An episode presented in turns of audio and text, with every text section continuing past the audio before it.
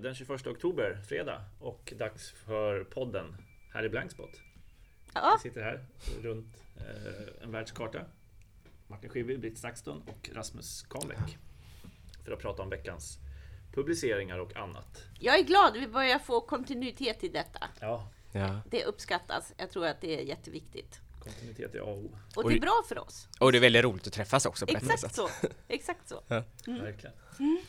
Men vi börjar väl med det roligaste vi har. Eh, och Ja, nej men absolut. Alltså, ni, ni båda två har ju haft ganska långa dagar. Eh, du, Martin, du kom hem halv, halv ett i eh, onsdags och du kom upp hem halv ett på natten igår också. ja, Eh, och anledningen, eller delvis är väl anledningen att eh, Blanksport har vunnit eh, ett eh, stort pris. Mm. Eh, Sveriges tidskrifters stora pris för Årets grepp. yes. Och det ligger ju ni bakom. Precis, vi vann för Cards of Qatar. Som ju var ett, ett nytt sätt att förpacka komplex journalistik som uppskattades av juryn. Jag var helt säker på att vi inte skulle vinna. Jag var helt cynisk i Ja, sen nomineringen kom. Ni, ni har ju, ni har ju Ja. pratat om det i flera veckor att ni inte ska vinna. Men Ja. ändå så stod de ändå på scen och eh, läste upp motiveringen Ja. till slut. Eh, och jag tänkte att jag skulle läsa upp den för er. Ja. Så får vi se här. Eh, och då, säger, då sa juryn så här. Eh, när det viktigaste ska fram måste formatet sitta och samarbetet vara det rätta. Landslaget kvalade inte in till mästerskapet, men tack vare årets grepp får vi ändå vara på plats och drabbas av sanningen om VM i Qatar. Vinnaren är Blankspot. Mm. Hur eh, kändes det? Alltså det är ju, jag ser lite på journalistpriser som ett sätt att få fler att läsa berättelserna och historierna. Det är ju verkligen det. Att folk som inte hört talas om varken Blanks på tidigare eller Cards of Qatar tidigare plötsligt genom att vi vinner det här priset så hittar de till det och läser det och blir berörda. Så att det är ju jätteviktigt för oss, framförallt när vi är så små, att uh, få det här. Sen är det ju så kul, alltså alla känner ju sig som underdogs idag. Men vi, vi är väl underdogs får man ändå säga om man ser budgetmässigt i relation till priser. Eh, och då är det ändå kul att jag menar, där är andra året vi vinner årets grepp. Vi vann det för dagboken förut från, från Afghanistan.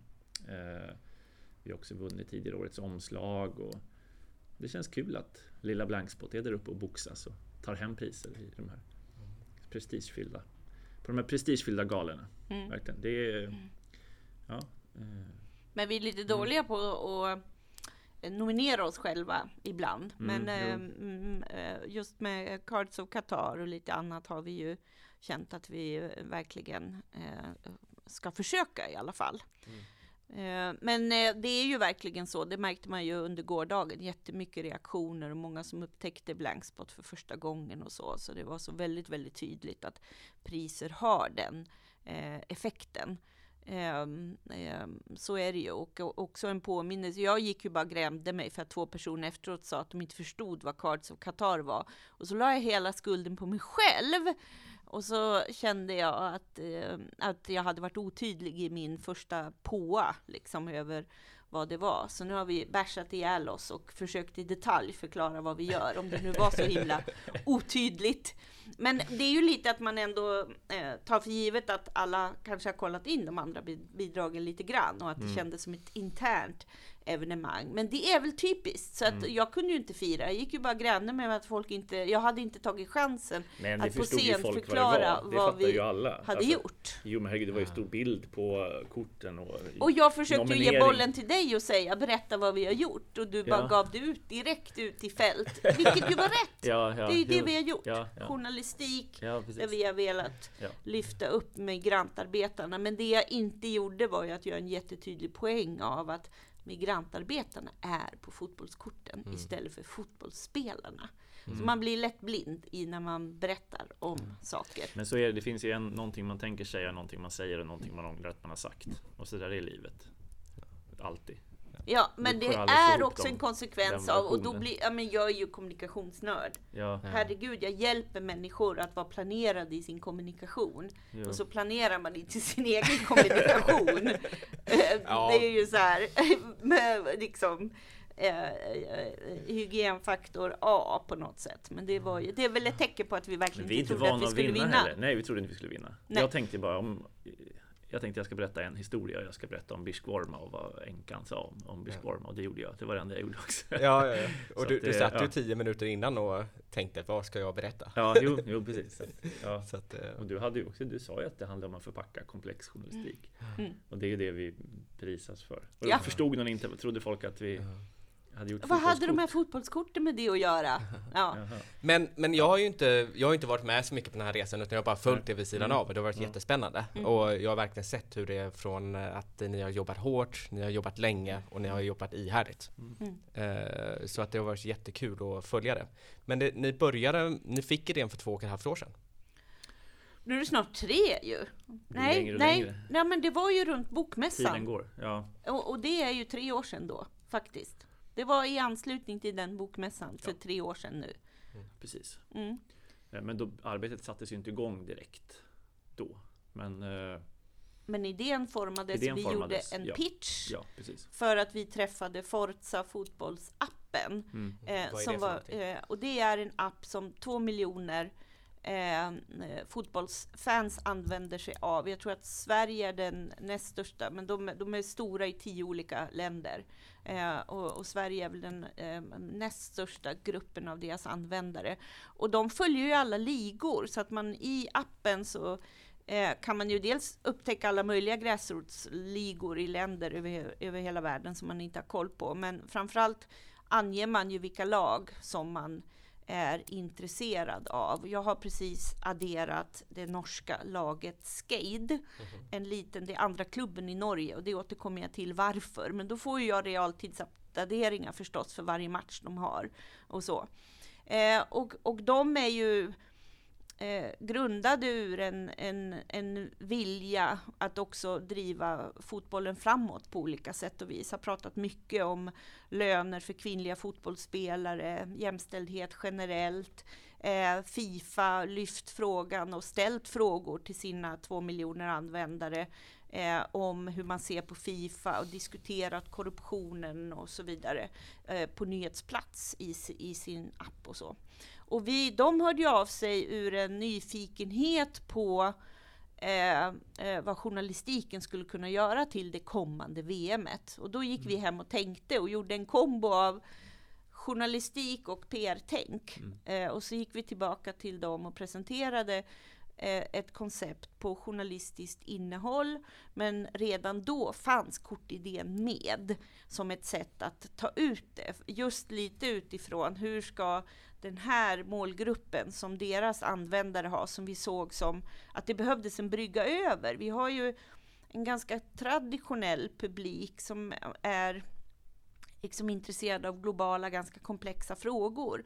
Regioner som man inte läser om varje dag i, i de stora dagstidningarna och så. Och hur, hur, hur kommer de ens gilla att vi skriver om fotboll? Mm, ja. eh, men för oss har det handlat om att sätta fokus på migrantarbetarfrågan. Så att bortom VM det kan vi också prata om hur vi ser att den här rapporteringen fortsätter. Mm. Eh, men sen började ju det stora researchjobbet. Vill du addera den journalistiska delen av det här Martin?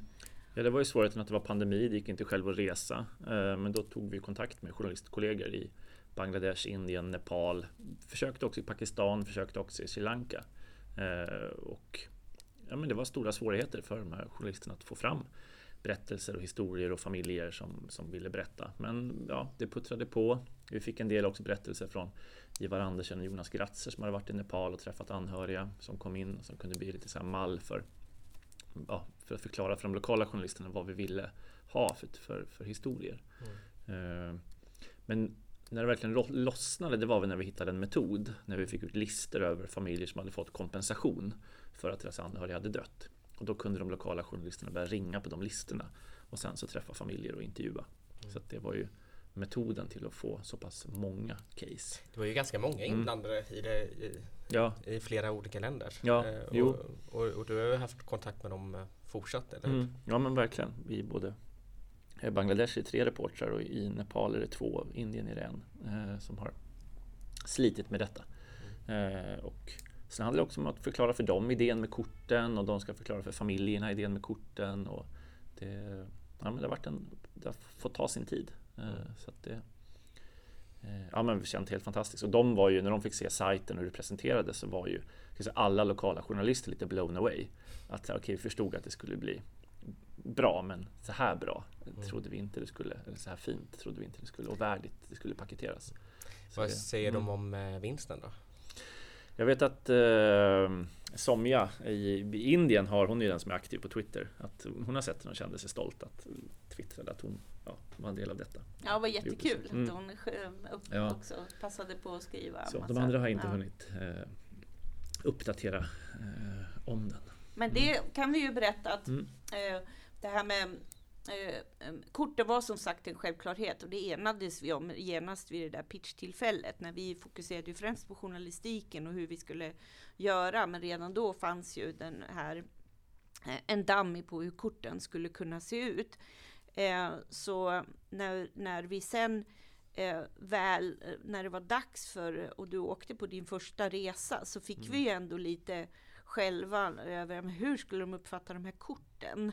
Att även om vi var liksom övertygade och hade gjort allt för att det skulle vara respektfullt och, och inte uppfattas som respektlöst och så, så eh, var det ju fint att på plats att du verkligen... Ja, kunna lämna korten till ja. familjerna och, och, få deras, de tog dem ju verkligen till sig. Ja. Mm. Och man kände verkligen att, att någon söker svar på vad som har hänt med våra anhöriga.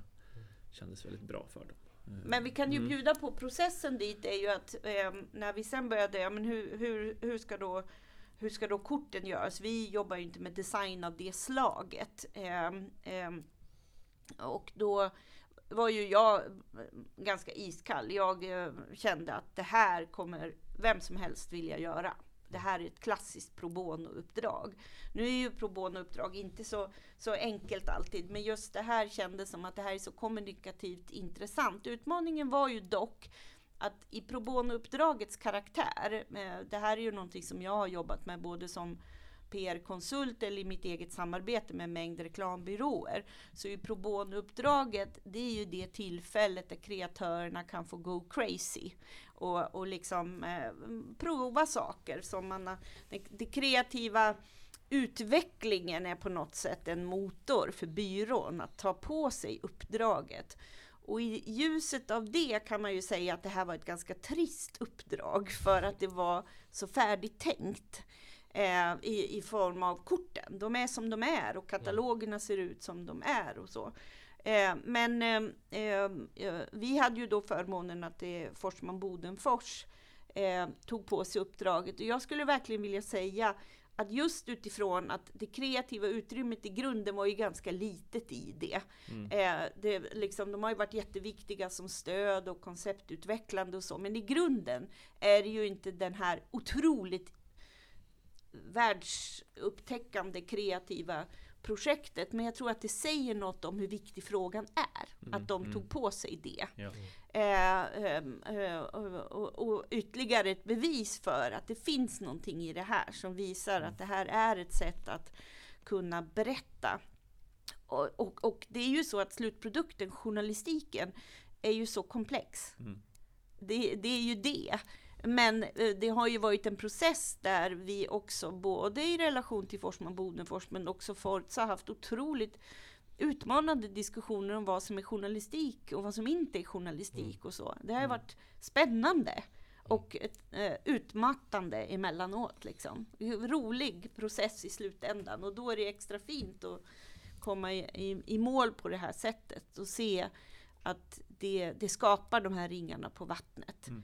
Eh, och, och då, då, är det ju så att eh, vi gjorde ju till slut också valet av, eh, också för att kunna få en väldigt kreativ höjd på webbsidan, så tog vi in en ny byrå som heter A Good ID, eh, som ju har varit fantastiska också i att ta fram vår det är ju en egen sajt, Cards of Qatar, mm. där man länkas in på våra reportagesidor. Men eftersom vi ville ha korten på svenska och engelska och kunna Flippa jobba dem. lite mer mm. dynamiskt mm. och så, så var ehm, eh, sajten eh, viktig i sammanhanget. Och där är det ju också att eh, eh genom samarbetet med Forsman Bodenfors har vi fantastisk trailer. Det är så många som har jobbat. Liksom. Mm, Allt det mm. finns ju presenterat på sajten och, och, och det, hela det konceptet är ju jättefint i sammanhanget. Och det känns ju som att det bara är början på hur det här kan flyga ändå. Redan dagen efter galan var du ju med i P1 Morgon. Mm. Mm. Ja, precis. Och pratade om några av ödena. Eh, och nej, men det är ju, korten är ju verkligen en ingång över till, som du är inne på, journalistiken. Och det är väl här det blir intressant eftersom journalistikens uppgift är också att hitta nyanserna. Det är också att hitta ja, de som har lyckats i Qatar och reformerna som har införts i Qatar och berätta om. Eh, så att säga, det kan inte, ja, inte bara om, om de som har dött utan också någonstans varför de reste och drivkrafterna. Och både fattigdomen men också drömmarna och vad man, vad man vill med, med att jobba utomlands helt enkelt. Eh, så att det, ja, men det är en bra kombo av ett uppseendeväckande lok och sen så liksom vagnar av journalistik och nyanser och motsägelsefulla bilder. Eh, så att, nej men det var ett, ett kort samtal men där också Egor Halveland från norska NRK var med som ju greps i Qatar för något år sedan när han försökte på plats ställa frågor om det här det. i P1 Morgon. Så att det visade ju också att ja, men för att söka svaren och nå fram dit så är det inte bara i Doha man kan leta utan man måste också leta och söka berättelserna i Sydasien. Eh, och det, ja, nej, men nu är det ju det är nu det börjar, liksom, egentligen en månad kvar med fler publiceringar och ansvarsutkrävanden och, och sånt fram till Fram till VM så är det ett levande material där fler kort adderas och fler berättelser adderas och fler reportage. Eh, så att, ja, men det är jättekul att vi att folk ser det, så är det ju. Men och sen är det ju, innehållet är ju, vi, vi publicerar det mesta med en ambition av att det är under en Creative Commons licens. Det vill säga att vem som helst kan återpublicera det vi gör och ange oss som, eh, som källa. Och, och eh, det finns ju både den tjeckiska sajten, tyska, två tyska sajter som eh, har publicerat stora delar av materialet. Eh, och fler följer. Eh, och även eh, eh, ja, den här tyska julmarknaden som ska exponera korten på några husväggar under julmarknaden är ju bara magiskt. mm, mm. Och apropå varför jag börjat följa den norska klubben Skade. Nu hoppas jag verkligen att jag säger rätt. Jag är ju norsk medborgare dessutom. Pinsamt annars. Men Inte skrej, skrejd. R? Jag måste kolla. Är det verkligen ett R med? Nej, du har nog rätt. Det är nog inget R. Är det Ja, men kan inte någon googla medan jag pratar? För då ska jag berätta att eh, den här podden kommer ju ut eh, eh, imorgon lördag. Eh, och då eh, kommer den här norska klubben eh, göra en eh, aktion där de eh, eh, fot, eh, fotbollsspelarna kliver ut i tröjor med 11 av våra eh, berättelser, migrantarbetares namn på sina tröjor. Och en del aktiviteter runt som jag inte riktigt detaljinsatt i. Men det är ju en fin manifestation för dem att uppmärksamma eh, eh, migrantarbetarnas eh, rättigheter under den här fotbollsmatchen. Eh, så det kommer vi ju berätta mer om. Men det är ju Mm. ett exempel på hur den här frågan har uppmärksammats. Och de lyfter ju också fram det vi har gjort. Eh, så det är en, en fin aktivitet. Var det rätt namn? Skade, du har helt rätt. Ja.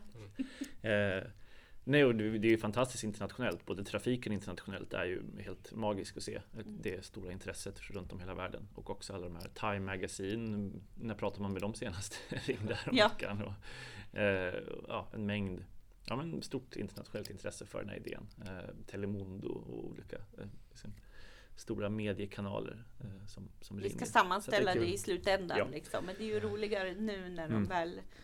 Och också visa, vi har ju haft Creative Commons licenser på mycket men ja, ibland översätts någonting. Men det här är verkligen i stor skala där ja, fler olika språk översätter allt. Mm. Tack vare den, den möjligheten till spridning.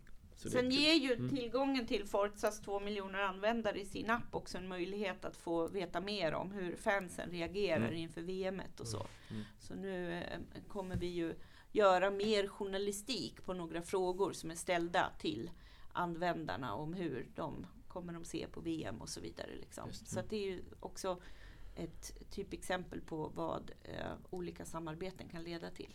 Ja, Mm. Så det är Cards of Qatar. ja vad Mm. kul! Ja, Ja, och, eh, det, det, och som sagt, det börjar om en månad, Ja. fotbolls-VM. Och eh, det, det blir, finns mycket att se fram emot kring den här rapporteringen. Så är det verkligen. Eh, under veckan som gått så har vi också fått en regering på plats. Vi har fått ett antal nya ministrar på plats. Eh, vi har fått veta att Carl Bildt tackade nej till att bli utrikesminister, vilket är lite intressant. Han fick frågan. Eh, han fick frågan, det har jag missat. Han sa det själv, ja. han hade fått frågan. Mm. Men han utan istället blev det då Tobias Billström som är ny utrikesminister. Och han var ju migrationsminister när Bildt en gång i tiden var utrikesminister. Mm. Men han är på, på plats eh, som det. Och det man har sett i veckan är väl hans uttalande om att Turkiet är en demokrati med vissa auktoritära inslag. Mm. Eh, ett uttalande som väl är, vad ska man säga? Eh, ja, det... ja, skiljer sig mot hur man tidigare har beskrivit Turkiet från officiellt håll. Ja, och det sker, ja. och framförallt, alltså det, det sker ju samtidigt som man har infört en ny medielag i Turkiet där, där man kan få ett till tre års fängelse som en journalist och sprider desinformation. Mm. Så att det, eh, vilket, är, vilket man ändå får säga är en eh, jätteauktoritär mm. eh, lag som man har infört. Eh, mm. Så att, eh, nej men det är ju, eh, det är ju väldigt tydligt att, det, att här vill den nya regeringen ro NATO i hamn mm. så snart ja, som möjligt. Det är ju det det handlar om. Ja. Men på den bogen så, du skrev Rasmus eh, att eh, Snar är, är frisläppt, mm. fått eh, ettårigt tillfälligt uppehållstillstånd. Mm. Ja. Ja men precis, så att det, det är ju ganska, alltså Senarpos Kurt, den här kurden som, mm. som har riskerat utvisning till, till Turkiet. Han har efter en ganska lång kampanj från aktivister och jurister och så vidare blivit frisläppt Eh, det blev han förra veckan, vilket vi pratade om då. Men nu har han också fått mm. sitt eh, tidsbegränsade uppehållstillstånd. Mm. Um, och det är ganska... Det, det, det kommer ju i en tid där, där, där, där ändå Migrationsverket konstaterar att eh, anledningen till att han får det här tidsbegränsade uppehållstillståndet är att eh, han hotas av, av tortyr i Turkiet. Mm. Eh, ett land som Sverige då ska gå eh, förhandla med om, om NATO. Um, det, han har ju inte varit på den här listan, den här, eh, den här eh, listan på 33 personer eller 73 personer som ibland förekommer siffran mm. som Erdogan har eh, krävt av Sverige att man ska lämna ut massa kurder till dem. Men, eh, men det fick ju jättestor uppmärksamhet när, vi, när Blanksport började skriva om detta fallet för eh, 55 eller för eh, ja, två månader sedan mm. ungefär. och det var ju delvis Blanksports rapportering som gjorde att turkiska medier snappade upp eh, nyheten om Sinar Bozkurt och man började utmåla honom som PKK-sympatisör mm. i turkiska medier. Och det är på grund av det som eh, Migrationsverket har kunnat göra bedömningen att om man utvisar Sinar så, så riskerar han att, utvisa, att, att, att eh, kallas in till förhör där tortyr kan förekomma. Um, så det är egentligen en direkt effekt mm. utav att uh, jag åkte ner till, till Göteborg för två månader sedan när vi hade en blixtinsamling. Mm. Um, Nej men jag tycker att det är, eh, det är eh, eh, spännande just på grund utav att, att nu ska Billström träffa Erdogan och han uttrycker sig på detta viset samtidigt som Migrationsverket gör en bedömning som de inte gjort tidigare. Alltså de skrivningarna som vi ser i det här beslutet kring sån här det sticker ut jämförelsevis med tidigare beskrivningar. Man har omvärderat hur man ser på land, landinformationen om Turkiet egentligen. Um, jag intervjuade Turkietkännaren Paul Levin, mm. som, som, är, han är ju ofta med i tv och så vidare, så han är ganska känd. Och han sa att eh, nu, eh, att han inte visste om detta skulle vara prejudicerande eh, eller inte. Eh, men att det finns mycket som ändå verkar tyda på mm. att det här, okej okay, men nu har man gjort den här bedöm bedömningen om Sinar, Hur, vilken bedömning gör man i andra liknande fall? Så att imorgon lördag så ska jag åka och träffa en till person som har stämplats som PKK-misstänkt i, eh, eh, i Sverige eh, och ska träffa honom uppe i Sandviken. Mm. Det blir intressant om domstolarna eh, går på den här liksom då linjen att man riskerar tortyr och sen har man en, en politisk nivå som ja, går på en annan linje. Det är väl så det ska vara ja. någonstans och det är kanske inget konstigt i det. Men det blir ändå, ja, det gäller att ha två tankar i huvudet. Precis. Ja. Och frågan är om det kan påverka NATO-förhandlingarna, mm. eh, en sån här dom. Eh, hittills har inte normalt sett när man kollar på Turkiet så finns det ju ett antal statsmedier så att säga. Så att när de och många som kan Turkiet och även Azerbajdzjan som är nära eh, allierade som jag skriver mycket om så säger man att de här statsmedierna är en megafon för, eh, för statsapparaten. Eh, så att när, man, när de skriver någonting så kan man tolka det som en informell mm. tolkning av hur regimen skulle se på, på en sån här sak. De hade väldigt bråttom i början när man började skriva om sin här sedan dess har de nästan varit helt tysta. Så att mm. eh, min, min misstanke är att även från Turkiet så ser man ganska pragmatiskt på det hela och mm. säger okej okay, men han är inte med på, Sinar Bozkurt är inte med på den här listan med 33 personer. Låt oss hålla det mm. nere helt enkelt. Mm. Nu, vi skriver inte mer om det här. Mm. För det kan eh, äventyra NATO-förhandlingarna från Turkiets sida. Mm. Ja, spännande. Eh, och också viktigt. Eh, en viktig fråga att hålla i och där vi har, det finns ju ett stor, stort intresse och stor läsning verkligen kring, kring de här ödena. Eh, mm. Så är det. Eh, ja, har vi några mer tankar om regeringen, ministrar eller utspel? Nej, jag rapporteringen? På, när, precis när, man, när vi kom till tidskriftsgalan, jag och Rasmus, så stötte vi på Jonas Nordling som mm Eh, eh, försökte få ihop Thomas Mattsson och Helle Klein för att göra ett poddavsnitt. Och ja, men det lyckades jag, de ju med också. Ja, men jag sa ju då, ja. men eh, ska ni göra podd nu? Ni vet ju inte vilka vinnarna är, för jag vet ju hur hemliga de är. Ja, eh, ordföranden skriver ju under diplomen med förbundna mm. ögon, så in, ingen vet ju, förutom Jaha. jurymedlemmarna. Jag tänkte precis på det. Ja, så att jag sa ju det, men då sa Jonas, nej, men de skulle ju göra en specialpodd om, mm. om den nya kulturministern. Mm. Just det. Ja. Så jag ser fram emot den för att ja. eh, det är ju en väldigt okänd eh, politiker på alla sätt och vis. Och eh, det har ju redan avhandlats men det är väl eh, ganska tydligt att det är någon som inte mm. har arbet med, arbetat med kulturfrågor överhuvudtaget. Nej. Nej, de har väl lite olika mm, Helle och Thomas Mattsson syn på det mesta i den specialpodden. Jag lyssnade på den igår på tåget på väg hem från Göteborg. Ja, den är redan ja, publicerad. Ja, ja, ja. ja. Mm. Men Mattsson, Då vet du allt. Ja, men Mattsson menar väl att vad gäller kulturpolitiken så finns ju allting där. Armlångs avstånd, public service ska värnas, fria medier ska värnas. Eh, ja, det, det är som det ska vara ungefär. Eh, och Helle menar att, men varför skriver man att fria medier ska värnas än? Det är väl en fullständig självklarhet. Och ja, det kanske det är. Men det är, det är verkligen två olika perspektiv på, eh, på, ut, på utnämningen och, och på den nya liksom, regeringen som de båda representerar. Var han besviken över att inte har fått fråga? Det tror jag, podd, han var vi, en av dem. Som... Nej, det tror jag bara de, eh, de jäktade över. Eh, men det fanns där, alltså David Isak, eh, Gui Minhai, allt liksom. Mattsson menar att allt man kan kräva nämndes ungefär. Att det inte var ja, fast någon... den här harvandet ja. i kulturpolitiken och eh, civilsamhället, demokratifrågorna, det ligger väl på det bordet också? Ja, det är väl Helles poäng att är det något som har varit stort för SD på deras kongresser, kanske större än migration till och med, så är det ju kulturfrågorna och mediepolitiken. Eh, att hon tror ju man kommer få se väldigt mycket inom det området.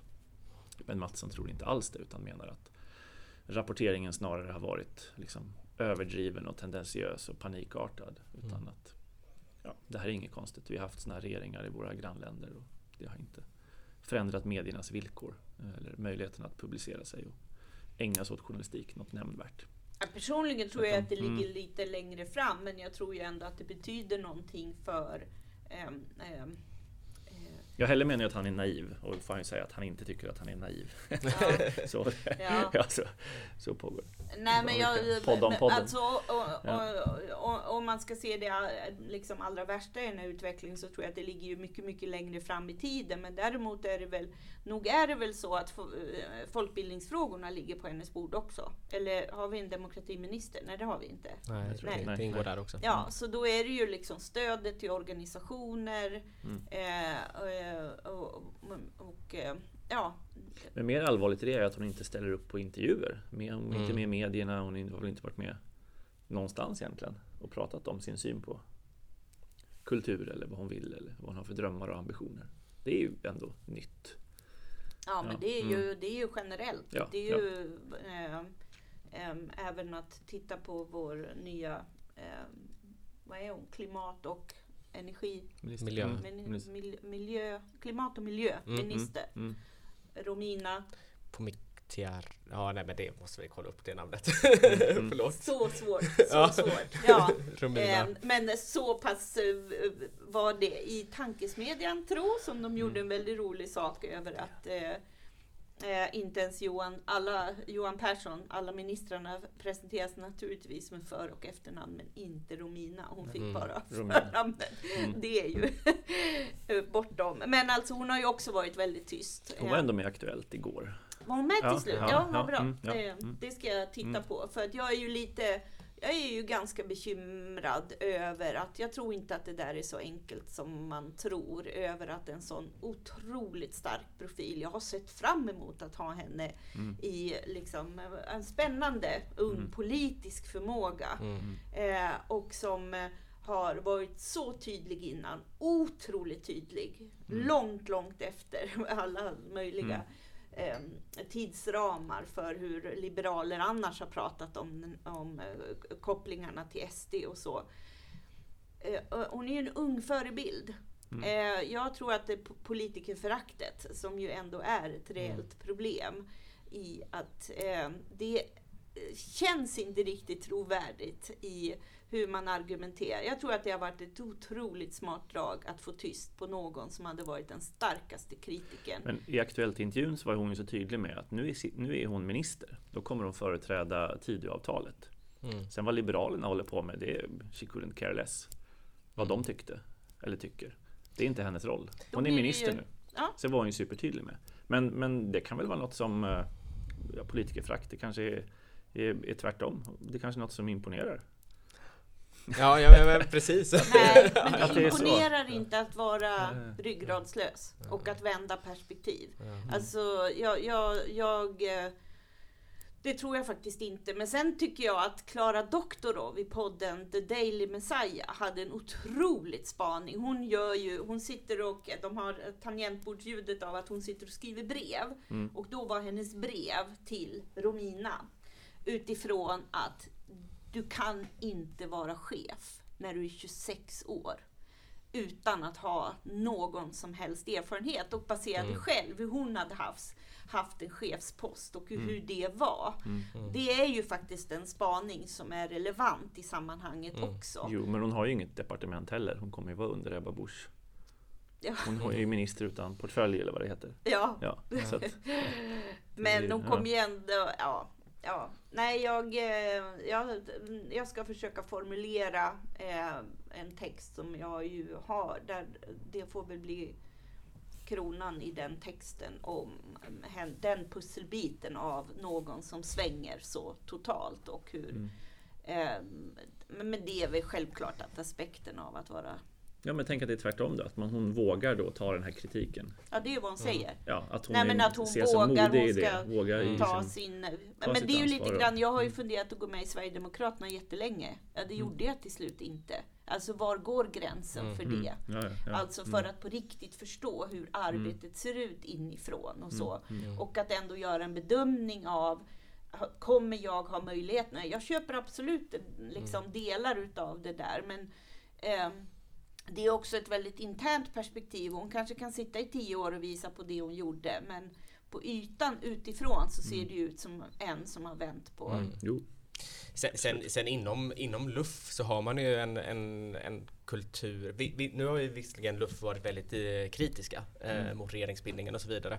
Men det har inte varit sådär jättemycket kritik mot eh, Romina per se. Utan Mm. där har man egentligen eh, tyckt att, eh, att, att det är eh, så som jag uppfattar det, att man har tyckt att det var ganska stort av en att, att ha ett karriärsteg så att säga. Och, och det, beror ju, det beror ju delvis på att, det, på att LUF har den kulturen inom sig, att man, att man ska göra st- stor karriär och så vidare. Så att det finns ju lite olika perspektiv på det hela. Ett annat perspektiv inom Liberalerna som jag, som jag har funderat mycket på i veckan, som också är kopplat till Billström och Turkiet och så vidare. Eh, nu byter jag ämne lite, Mhm. lite, eh, bara, eh, lite snabbt men också kolla på regeringsbildningen. Eh, det är ju att det, det ryktades väldigt länge om att Gulan Avci som ändå är Mm. ett, ett, stark, ett av de stora tre namnen inom Liberalerna skulle bli en minister. Mm. Sen blev inte hon det, utan hon blev partisekreterare istället. Ehm, och eh, de ryktena som jag hörde, de var, de var ganska långt gångna. Mm. Eh, efter att ha pratat med många, med, med, flera personer inom Liberalerna. Och i slutändan så, blev, eh, så utnämndes hon till partisekreterare. Ehm, och min fundering kring det, delvis är hon kurd.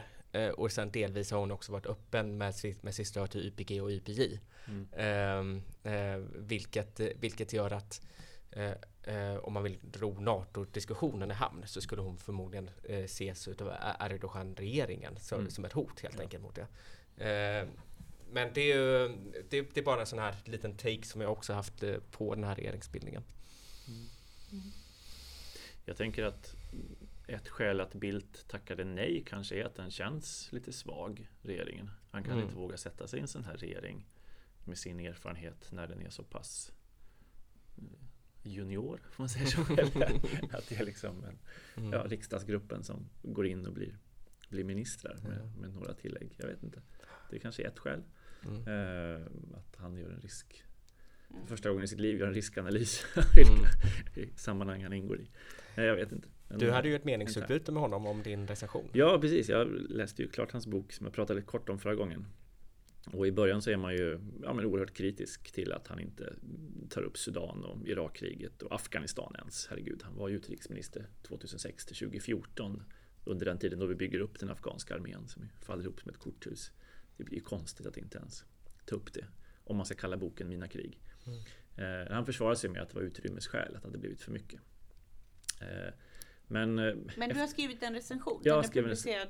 Ja, i arbetet. Eh, om eh, Nej, men efter läsningen så kommer man ändå fram till att alltså oundvikligen så dras man in i hans värld och hans liksom, synsätt och det här liksom, tröga diplomatiska vardagsarbetet att försöka om inte ja, förhindra krig så i alla fall främja en kommande fred. Eh, och hur ja, liksom metodiskt han han jobbar med det.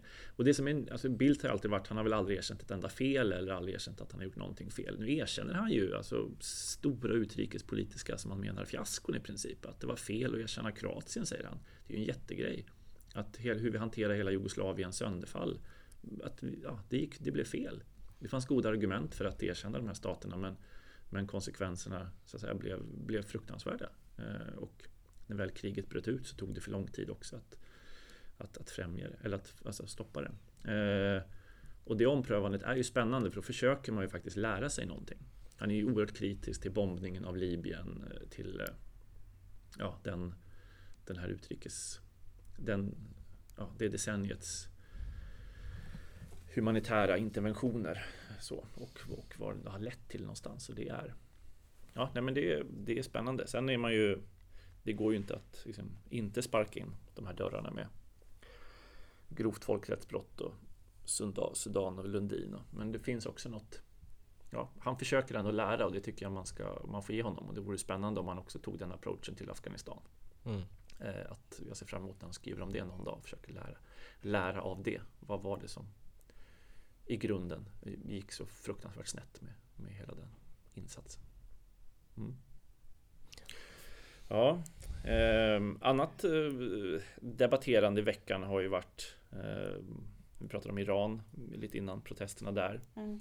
Eh, du skickade ett klipp till mig häromdagen. Eh, Som jag sa, du måste titta, titta på, på, det. Först tyckte jag till om du utan att ha tittat och sen mm. sa du men titta på det då. Så tittade jag på det. Ja, det var ju en aktivist då som krävde att Mathem tog ner sin reklam med en kvinna med slöja som beställde mat. Ja. Mm. Eh, och resultatet blev ju att de tog ner den och mm. kopplar mm. den till förtrycket i i Iran. Eh, Mathem tar avstånd från all form av förtryck. Vi finns till för alla människor i samhället. Och så vidare. Eh, och eh, eh det, är ju, det, är ju, det är ju samma diskussion som när Arla eh, mm. precis vid den eh, när det ryska anfallskriget mot Ukraina drog igång mm. fick kritik för Kefir. Mm i butikerna. Mm.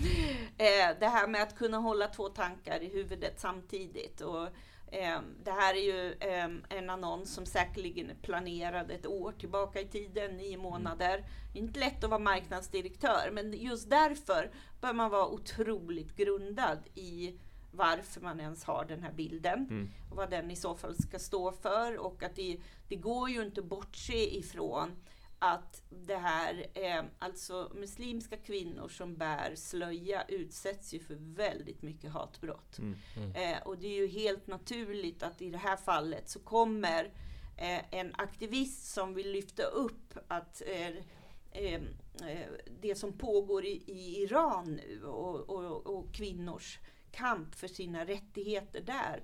Och om man gör den kopplingen så kommer man också få en mängd andra människor som är eh, islamofobiska som driver det här också. Så jag tycker Mm. att det är Svagt att plocka ner den. det är otroligt svagt att plocka ner den. Eh, verkligen. Eh, men sen kan, kan vi väl också passa på att tipsa om, jag tycker att eh, debatten som var, eller diskussionen på Publicistklubben i måndags som handlade om eh, huruvida Iran-rapporteringen hade tagit för lång tid och vad som saknades i den och hur man kunde jobba Mm. var väldigt bra. Eh, där det både fanns kritiker och eh, de stora medierna som fick svara på frågor. Så den vill man ju verkligen rekommendera. Och också de efter... Cecilia Uddén intervjuades från Kairo inledningsvis och sen på plats var det ju Martin Schori från Aftonbladet eh, och eh, eh, tappar jag bort namnet, heter hon Pia Bernhardsson kanske, på SVT. Eh, som eh, representerade de stora medierna. Det blev ett, det, det, det var väldigt bra. Eh, men i de uppföljande poddarna från Mellanöstern-podden har de också djup, djupat riktigt i frågan om hur de här unga flickorna som driver eh, eh, den proteströrelse som pågår där. Eh, apropå bra journalistik också i sammanhanget. Men Mm. företag måste sluta vara så rygg, också fega så fort Ja, det dyker upp en diskussion. Mm. Mm. Det där måste man sluta med, säger PR-konsulten. Men också den, eh, du var inne och visade mig kommentarerna på inläggen. Det fanns Ja. ju också en väldigt tydlig, ska man inte prata om trollsvans, men en väldigt tydlig liksom, slagsida i de som hyllade Ja, det här. så är det ju. Vilket modigt beslut och nu ska vi beställa på Mathem och nu är fredagsmyset fixat här. liksom, lägger vi storbeställningen. Ja. Ja, Mm. att det, det finns ju en, en nätarmé som ju går loss och som Mm. säkerligen får de här att bli nervösa. Eh, liksom, ja, varumärkeschefer. Eller Och då är det ju så att de Mm. agerar ju på det. De gör det i Mm. namnet av Mm. att det eh, kopplar det till det som pågår i Iran. Ja. Ja. Ja. Nej, och det var som Rasmus inledde med. Jag kom ju hem från Göteborg sent igår kväll. Jag var i Härryda och föreläste. Och jag menar, jag, ja, jag har ju föreläst. Massa älskar att föreläsa. Det är ju ett sätt att, Det är journalistik. Man pratar om vad man har gjort. och eh, möter folk. Och jag tycker det är viktigt någonstans att för att återupprätta ett förtroende för journalistiken. Att vara ute och prata så mycket som möjligt. Eh, och ja, det var 140 personer en kväll i biblioteket i Härryda, eh, eller Mölnlycke kulturhus, Härryda kulturhus. Eh, och nej, men det intressanta är att bibliotekarierna innan säger så här, men vi har fått en del eh, liksom, mejl och samtal där de säger att vi inte ska boka dig eh, för att du liksom är våldsbejakande. Mm. Och de var jättenervösa och tänkte så här, vad är det de har missat i sin bakgrundskoll? Och vad är det här som, som har Mm. hänt? Och kommer de här personerna komma och brukar det vara stökigt på dina föreläsningar och så? Och eh, för mig var det lite av en ja, en aha-upplevelse. Alltså det, en sån debatt fanns ju när jag satt i fängelse för tio år sedan om liksom min, min tid som aktiv liksom, revolutionär. Eh, way back, liksom. det har jag skrivit och pratat mycket om. Eh, men det var ändå lite så här, det där var länge sedan Mm. eh, det, det hände. Eh, och så berättade jag, nämnde det för, för, för andra och då är det fler som säger att de sista veckorna har det hänt någonting. Mhm. Alltså i eh, hat nivån i människors inkorgar. Att det är som en, ja, en, Ja, en ny våg av sånt. Ja. Och du kände igen det Britt? Ja, Mm. och, och biblioteken är ju generellt väldigt utsatta. Mm, Alltså det är ju, dels har ju jag mm, jobbat med väldigt många bibliotek i relation till sitt demokratiuppdrag och nu Mm. sitter jag också i styrelsen för eh, Biblioteksföreningen i Sverige. Och eh, den, eh, hur man hanterar sitt externa programutbud, det är ju någonting. Om de inte, de, de, liksom, man, måste, det, man måste tänka tre steg fram. Det är Mm, på mm. samma sätt som marknadschefen Ja. på Mathem måste Mm, tänka tre mm. steg fram i den här annonsen. Så, så behöver man också i sitt programutbud. Men eh, det är jätte, jättemånga som verkligen vittnar om hur det har eh, skruvats upp något otroligt efter det svenska valresultatet. Och det är ju lite kopplat till det vi pratade om, att det är så Mm. väldigt svartvitt. Mm. Eh, och eh, eh, det är ju eh, väldigt isärdragna diskussioner på, i, i sociala medier just nu. Att det är det här eh, som följer ett eh, tyvärr amerikanskt mönster av hur eftervalsdebatten ska se ut. Liksom. Mm.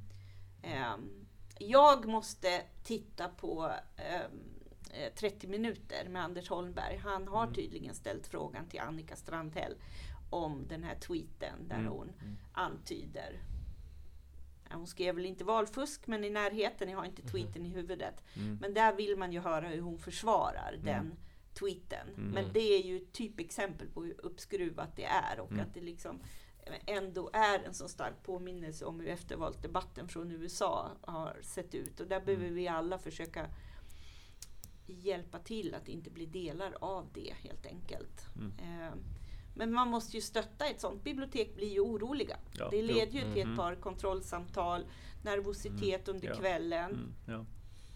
Ehm, och så. Så att eh, vi får eh, hjälpa varandra i allt sånt där.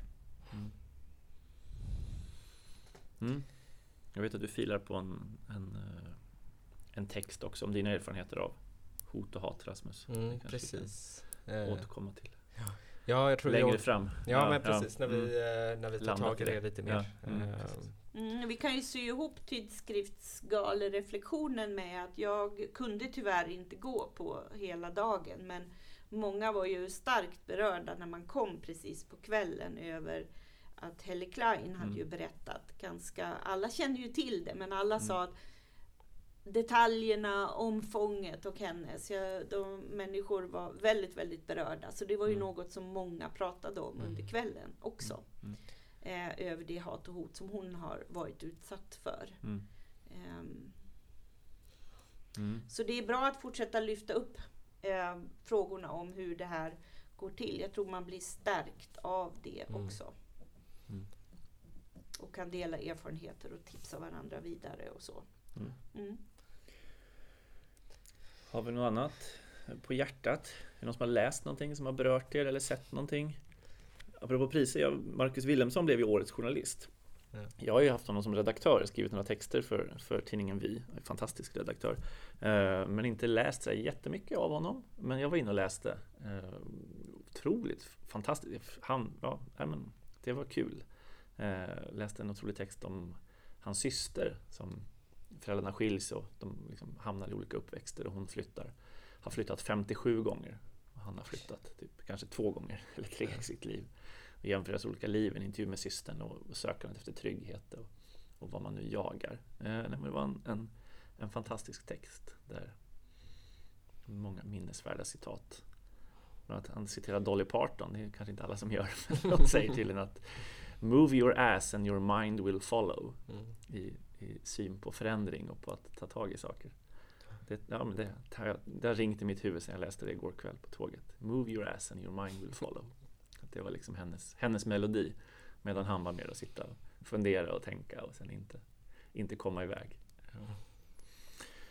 Ja men Ja. vi har ju det absolut bästa tv-tipset för alla Blankspot-fan. Just det! Det är ju att titta på Alla Alla mot- alla. Ja. Jag är så himla glad över att du är med där. Ja, Eh, och eh, ja, gå in och följ. ja, där Eh, följde inte mitt mind med när jag moved my ass in i buren alla gånger. Ja, jag, jag, jag såg eh, avsnittet igår. jaha, ja, det, ja. Där du, det första avsnittet du var med. Ja, det, var, det, var, det var riktigt roligt. Ja, ja, Eh, ja.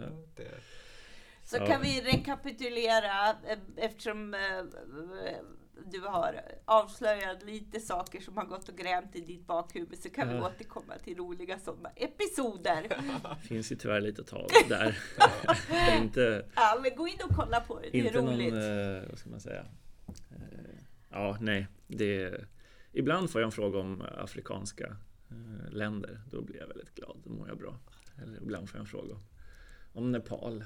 Mysig också. Mm. Men, det, men det är mycket panik. Mycket panik. Ja, jag Ja. gillar ju din öppningsline när du skulle presentera er och du sa att, eh, att eh, Magdalena, hon är den som skjuter, det är du som har blivit skjuten. Ja, ja, precis. Den hade filat på länge kan jag tänka mig. Ja, var, ja, den kom. Eh, jo, den hade jag faktiskt tänkt. Att det, det är minsta gemensamma nämnare. Ja. Så är det. Ja, nej, men det är jättekul. Det är fantastiskt och det är en, menar, det är en folkbildande verksamhet som Filip och Fredrik ju har ägnat sig åt och även i detta program så finns det ju ett ja, men, och en genial redaktion med frågor som är helt ja, det finns både 16 och 18 lager bakom de flesta frågor, frågor med associationer och, Mm. och, eh, och annat som är fantastiskt. Och man märker ju hur, jag menar när jag var här i igår så var det ju en, många som pratar om alla mot alla. Eh, Och, PR-konsulten i mig känner fantastiskt för blankspot. För man blir ju nyfiken Ja. på, men vad gör han nu då? Ja. Och så kommer man hitta det. Det är väldigt skoj. Försök räkna till 30. Sådär. ja. ja, Ja, så super. bra. Tusen tack. Eh, och tack till er som lyssnar. Fantastiskt eh, att ni följer oss i vått och torrt. Och, Och att ni läser och delar som och som gör det här med möjligt. Ja, det finns så Mm. många att tacka och Ja. det, ja, det, kommer fler tillfällen att tacka alla. Jag kommer tacka er massa gånger. Och tack er för alla som gör det här möjligt. Det är ett pris till er blankspottare. Det skulle vi alltid ha med, en blankspottare på galorna. Kommer ni ihåg det? Vi hade det i början. Att alltid när vi nominerade ska vi ha med en läsare. Det får vi plocka upp Ja. om vi får fler nomineringar. Mm. Mm. Eh, chocka branschen med att ta, ta dit någon utifrån. Jag tog med mig till Ja. journalistpriset. Ja, ja, men han var ju djupt chockad Ja. över hur, hur ogin mediebranschen var. Så han, Ja, han blev ju bara skrämd över att Men- ingen, men- ingen på galan kände till vad Blankspot hade gjort eller Nej, något sånt. Mm. Men Tidskriftsgalan är ju verkligen den minst ogina av galorna skulle jag säga. Jag tycker den är väldigt Stämningen är generös. ja, Mm. Och de verkligen. flesta har ju- Ja. Också kanske ingen direkt koppling till vem som vinner och förlorar. Eller många är liksom bara glada Men alla blev bara gamänger. jättenyfikna. Jag fick Ja, jättemånga så. nya Mm. följare som, Ja. från Polistidningen till Ja, exempel. ja, för de var där. våra bordsgrannar, Ja, hela ja, gänget där ja. som inte vann för Nej. årets omslag som de var nominerade för. Ja. Nej men verkligen. Så det, är, det är en fantastisk Det, var, det är fantastiskt roligt att, att känna den, den peppen. Eh, sen är det ju Ja, nej men alla vet det är jobbigt att bli nominerad och inte vinna. Det är ju jättejobbigt. Det ju, Mm. går inte att säga något annat. Eh, och framförallt vissa galor där liksom två tredjedelar av alla som sitter runt borden har varit nominerade och inte vinner så påverkar det stämningen. Stora journalistpriset är så. Det är, det är fler som är ledsna än som är glada. Mm. Eh, men eh, det är ju ja, någonstans ett också kvitto på all fantastisk journalistik som görs och har gjorts under året. Man känner en stolthet över det. Även om man inte vinner så är det ju. Ja, Mm. det måste man ju göra. Ja. Verkligen. Ja, super. Ja, tack så jättemycket. Tack och hej. Trevlig helg. Hej.